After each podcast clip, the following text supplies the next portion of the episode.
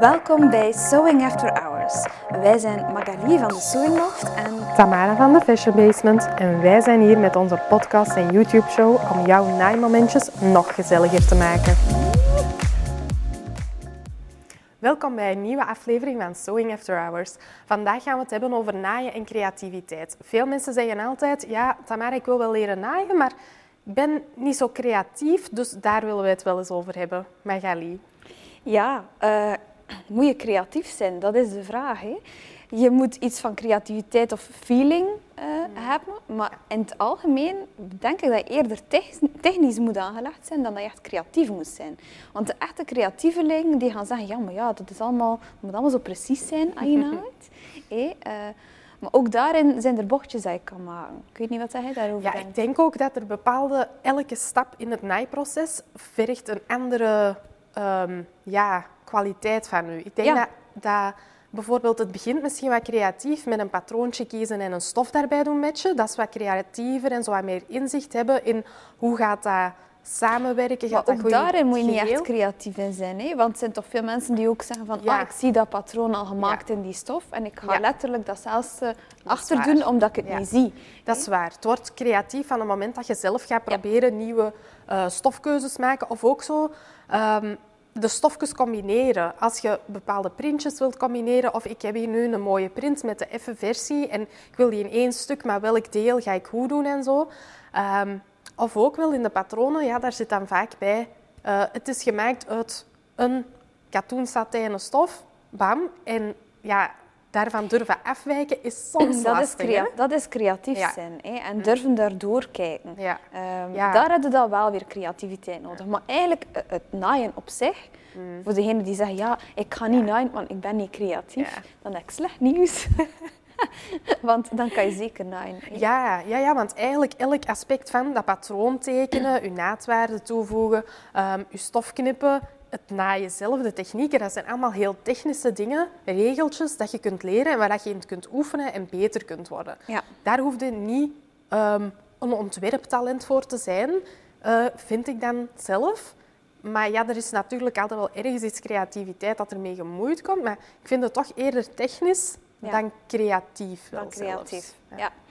En ehm, en dan merk ik bijvoorbeeld, hé, mijn mama dat, dat is een kunstenares, hé, dus die, die is super creatief. En die zegt dan vaak, oh ja, dan naaien, hé, ze, doet- ze doet dat heel graag, maar ze zegt, ik kan er soms te weinig Ja. mijn creativiteit in kwijt. Wel dan in, Ja. in, eh, in stofkeuzes, zoals hij zegt. Ja. Maar voor de rest is dat dan wat moeilijker. Of dan zou je wat meer moeten free motion eh, quilting gaan doen, of wat block quilting, wat free, ah ja, alles dat wat meer vrijer is van vorm.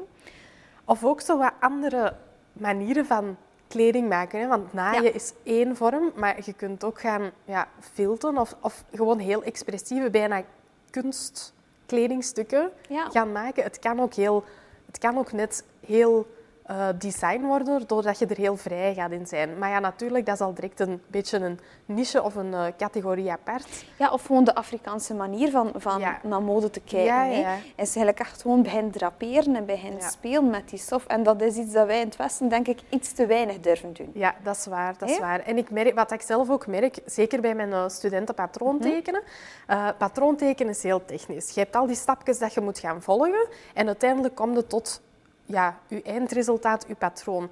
Onderweg kom je heel veel formuletjes tegen of vaste waarden die dat je gaat toepassen. En heel veel studenten durven daar niet van afwijken. Want dat patroon, dat corsage, dat is die lijn, die lijn, die lijn. Zoveel naar daar, zoveel naar daar, zoveel overwijten, dit zo, dat zo.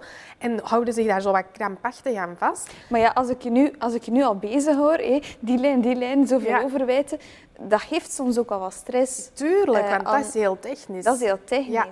Maar ene keer als je die basis kent, Mhm. dan kun je daar keihard mee gaan spelen en afwijken en eigenlijk doen wat dat je wilt. Lijnen gaan rondtekenen die dat eigenlijk recht moeten zijn, zo gezegd. Maar omdat je weet hoe dat moet, kun je creatief gaan zijn. Dus die technische kant gaat er wel mee gepaard. Je kunt bijna niet zonder. Ja. Ehm, tenzij dat je natuurlijk op een andere manier een patroon gaat maken, draperen en moeleren, uiteraard. Ja. Ehm, wat ik zelf kei leuk vind om te doen. Maar dat is ook niet altijd zo simpel. Want dat is ook soms wel technischer dan dat je eerst zou merken eh, of zou denken. Maar het blijft wel veel creatiever, omdat je direct met je stof kunt ja, of beginnen heb, of 3D heb je er de feeling voor. Hè? Ja, ja, ja. Ik heb zo'n klant hè, die, die ik vind het fantastisch dat ze het doet, want ze had ook stoffen van over heel de wereld. En dan is ze daarmee bezig en dan denk ik, apart. En dan komt ze daarmee binnen en dan is dat eigenlijk echt perfect gelukt. En dan denk ik, oké, dan mist ze toch wel die techniciteit, maar als je het in je vinger, vingers hebt... Ja. Ja. Ja, ja, dat is ook zo. En ik denk ook wel ehm, dat je uiteindelijk, hoe moet ik zeggen, hoe meer ervaring dat je opdoet, hoe creatiever dat je daarin wordt. Dat is waar. Want is iedereen, je eerste stukken dat je maakt, je hebt geen flauw idee wat dat gaat geven. Hè. In het begin ook, je, je moet een stofje gaan kiezen en je hebt geen flauw idee hoe gaat dat eruit zien in dat model van die rok of van die t-shirt. Of maakt niet uit. Je kunt je dat totaal niet inbeelden. En dat duurt wel een hele tijd, vind ik toch. Bij mij heeft dat toch echt wel twee, drie jaar geduurd, vooral dat ik dat mij kon inbeelden. En dan nog, eerlijk toegegeven, hoe dikwijls hebben we het nu aan de hand, dat je iets gaat maken en je hebt dat helemaal in je hoofd, dat stofje, dat modelletje, dat gaat er zo uitzien. En dan is dat klaar en dan denk je, ah ja, dat is toch anders dan dat ik eerst dacht. Ja. Niet per se negatief, maar wel Ja. anders. Maar wel anders. Maar eh, de meeste beginners die binnenkomen, die zeggen dan, kom met een lijstje, ik moet van mijn juf een katoen komen halen. En dan denk ik, Ah. een katoen? Ja, maar ja, oké, een katoen, dat zegt eigenlijk niks. Nee. En Nee. dan, eh, dan ben je te vragen van, ah, en voor wat ga je het gebruiken? En, en dan voel je, ja, voor die mensen is dat, allez, als je start, de eerste keer in een stoffenwinkel had, ik weet, ik, ik liep verloren. Ja, ja, ja, dat is ook zo. Ik weet nog dat toen ik leerde naaien, ehm, heb ik heel veel hulp gekregen van een eh, vriend van mij die al, al eh, langer mode deed. Ja. Eigenlijk echt al vanaf hij twee- 12 jaar was. Ja? Eh, en ja, ik vond dat zo overweldigend, maar die kon mij wel heel goed helpen met ah, dat zou leuk zijn of dat zou leuk zijn. En ik liet mij wel een beetje leiden ook door zijn kennis al op dat moment. Ja. En dat vond ik wel heel fijn, ook omdat ik wel die persoon heel goed kende en vertrouwde. En ik vind dat ook wel fijn in de stofwinkel, dat er iemand goed advies kan geven. Ja. Ehm, want ik, ik merk dat ook wel, soms dan stuur ik mijn cursisten Ja. eh, basis naaien naar de winkel. En dan zeg ik, je moet zo'n soort stofje hebben. Ik plak daar nooit een naam op, want dat werkt veel te beperkend. Maar dan zeg ik iets met stretch, zonder stretch, een beetje Ja. stretch. ehm, iets dat licht valt, iets dat stevig is, iets niet te dun, Ja. iets niet te dik. Zo gaan we wat samen kijken. Maar dan komen ze soms thuis met iets helemaal anders. Of eh, met de helft zoveel stof als dat wij bepaald hadden dat ze nodig hadden. Omdat de verkoopster vond van, ah ja, maar met zoveel stof voor een rok, nee, dat is veel te veel. Een meterke, jij komt toe. Hè. Terwijl dat, ja, die ging net een hele wijde A-lijn maken. Ja, sorry, dan kom je niet met een meterke toe. Hè. Maar dat ook het slechtste je kan doen als beginner, echt, het slechtste dat je kan doen, is dat je zegt van, en nu ga ik een keer direct dan naar een stoffencircus of een stoffenspectakel. Ja, ja, ja. En dan worden zo overdonderd, dat is wat ik heb tegengekomen. Ja. Hè. Dan ga je maar vier, vijf zakken naar huis. Dat, ik heb van alles mee, Ja. ze. en katoen, en, van, en, gewoon de kleur of de print dat je Ja. mooi vindt, zonder eigenlijk te beseffen wat dat je nu Ja, tuurlijk. hebt. En, en Ja. je krijgt van die schone aanbieding naar je oren gegooid. En dan denk je, goed, ik heb dat mee, ik heb stofjes in huis. Maar heel eerlijk, ik heb nooit iets gemaakt met die Nee. stoffen. Ik heb mijn, eh, het allereerste stoffenspectakel dat ik gedaan heb, was denk ik in 2005. Ja, Ehm, we zijn nu 2021. ja. Ik heb toen een eh neplederen gouden stof gekocht. allereerste hè, nepleer. ja, ja. oké? Want ik ging daar een vestje van maken. Oké. ik kon gelijk een half jaar naaien. Ja, die ligt daar nog altijd. Ja, ik ging zeggen, ik krijg het gevoel dat dat er nog ligt. Oké. Ja, ja. Maar dat is ook gewoon, hè. je ziet daar zoveel stofjes. En Ja. ja. het is ook moeilijk om nee te zeggen, maar je weet eigenlijk niet hoe, wat en hoe is dat goede kwaliteit of wat kan ik met die stof doen. En ook wat dat je zelf al kunt of niet, dat is soms wel lastig inschatten. Ik heb dan zelf, ga ik, allee, vond ik het fijner voor mij dan om naar een lokale stoffenwinkel te gaan, waar ik wist, hier hebben ze veel keuze. En, en dat ik ook wist, de verkoopster kan mij verder helpen. Eh, maar wel zelf mijn hoofd erbij houden, want ik ben de enige die weet wat ik exact ga doen natuurlijk. Hè. Maar dat is ook een stuk, denk ik, je eigen verantwoordelijkheid. Dat je dat ook wel, als je hulp vraagt aan de verkoopster, dat je uitlegt wat dat je gaat doen. Ja, ja. Nu, we zijn een klein beetje aan het afwijken, want we zijn van creativiteit en naaien. Ehm, een andere eigenschap dat ik denk dat heel dat belangrijk is, is dat je probleemoplossend kunt Ja. denken. Ja, Want, dat is waar. Eerlijk, de stukken waar dat alles 100% perfect gaat, dat komt, dat komt nog niet voor. Ja, er gaat altijd wel eens ergens iets dat je dacht van, oh Ja. had ik hier anders in gecalculeerd. Of ik ben hier een deel eh, mis of ergens iets fout. En zeker in het begin. Hè. Ja. Ja, ja ik, ja, zo probleemoplossend denken. Eh, ik weet dat we in de les soms al heel creatief moeten geweest zijn. Mhm. Ik vind het ook altijd belangrijk, als ik daar een tip in mag geven, uh, vind ik altijd heel belangrijk, als je een probleem tegenkomt, laat dat eruit zien alsof dat, dat de bedoeling Ja. is geweest. Ja, Niet proberen oplossen Nee. dat je het niet gaat zien, want je ziet dat altijd. niet zeggen ik ga een stuk van de mouw in een andere stof steken. Ja. Nee, dat blijf je zien. Ja. Nee, Doet er dan iets leuk mee? Zet daar ergens een ander accent in? Of werkt echt aan met een statement Ja. Of, ga, of als je ergens iets... We hebben uit gehad, een eh, stof geknipt en dan bleek zo, ja, stof lag dubbel, de onderste laag, daar was een hoekje uitgeknipt. ai. Ja, wie heeft dat nog niet tegengekomen? Ja, dat is hè? waar.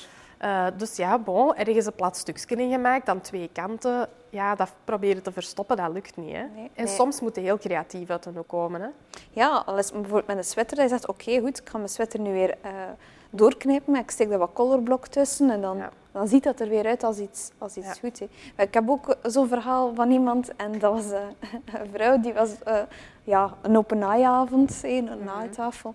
En eh was stress, want haar dochter moest alle momenten bevallen. En Oh. dan ja, een bloesje met van die geborduurde bloemetjes op. Het laatste moment, het laatste naadje overlokken Ja. en babbelen tegelijkertijd. Ja, En stress van die bevalling. En stress van die bevalling, snijden in die stof. En dan zat er direct een gat in. Gelukkig dan eh, zo'n bloemetje uitgeknipt, schoon geappliqueerd en Ja. je ziet daar niks meer van. Nee, maar dat is dan de momenten dat je zegt, oké, hoe ga ik het hier oplossen? Dus dat probleem oplossend denken, ik denk Ja. dat dat eigenlijk nog het belangrijkste is ja, in ja. Ja, en soms in je stof met wat dat je aan het maken bent, maar ook soms met je machine. Hè. Als Ja. je machines tegenwerkt, ja, Ja, ja. Allee, en dat is altijd ook op momenten dat je snel nog iets wilt afwerken. Maar dat werkt niet. Ja, ja, altijd op het moment dat er iets moet en je wilt dat snel nog voor het einde van de les of voor het einde van de avond, ik moet ze bieden naar een feest, dat Ja. gaat altijd op die moment Ja. mis. Hè.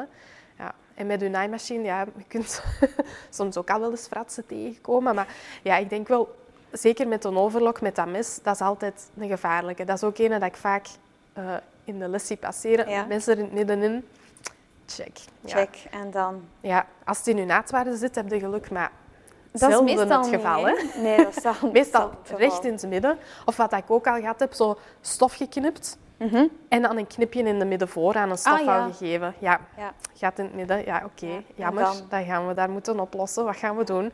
Sluiting maken, naad inzetten, eh plat stukje maken. Ja, lastig En dat is dan weer creatief, hè? Ja, dat is creatief, dat is waar. Voilà. Ja, ja. Dus eigenlijk, als het zo wat afrondt, je hoeft niet creatief te zijn Nee. om te naaien. Nee. Je moet wel kunnen probleemoplossend denken. En hoe langer dat je naait, hoe creatiever dat je wordt. Ja, ervaring is key. Voilà. Dus daarmee sluiten we deze aflevering af. En dan eh, zien we jullie terug voor nieuwe. Bedankt om te luisteren of om te kijken. Weet, wij zijn er elke woensdag opnieuw met een nieuwe aflevering. Dus Abonneer je zeker op onze podcast en ons YouTube-kanaal als je geen enkele nieuwe aflevering wil missen. Eh, volg ons ook zeker op Instagram en Facebook en we zien je heel graag volgende week weer terug voor een nieuwe aflevering.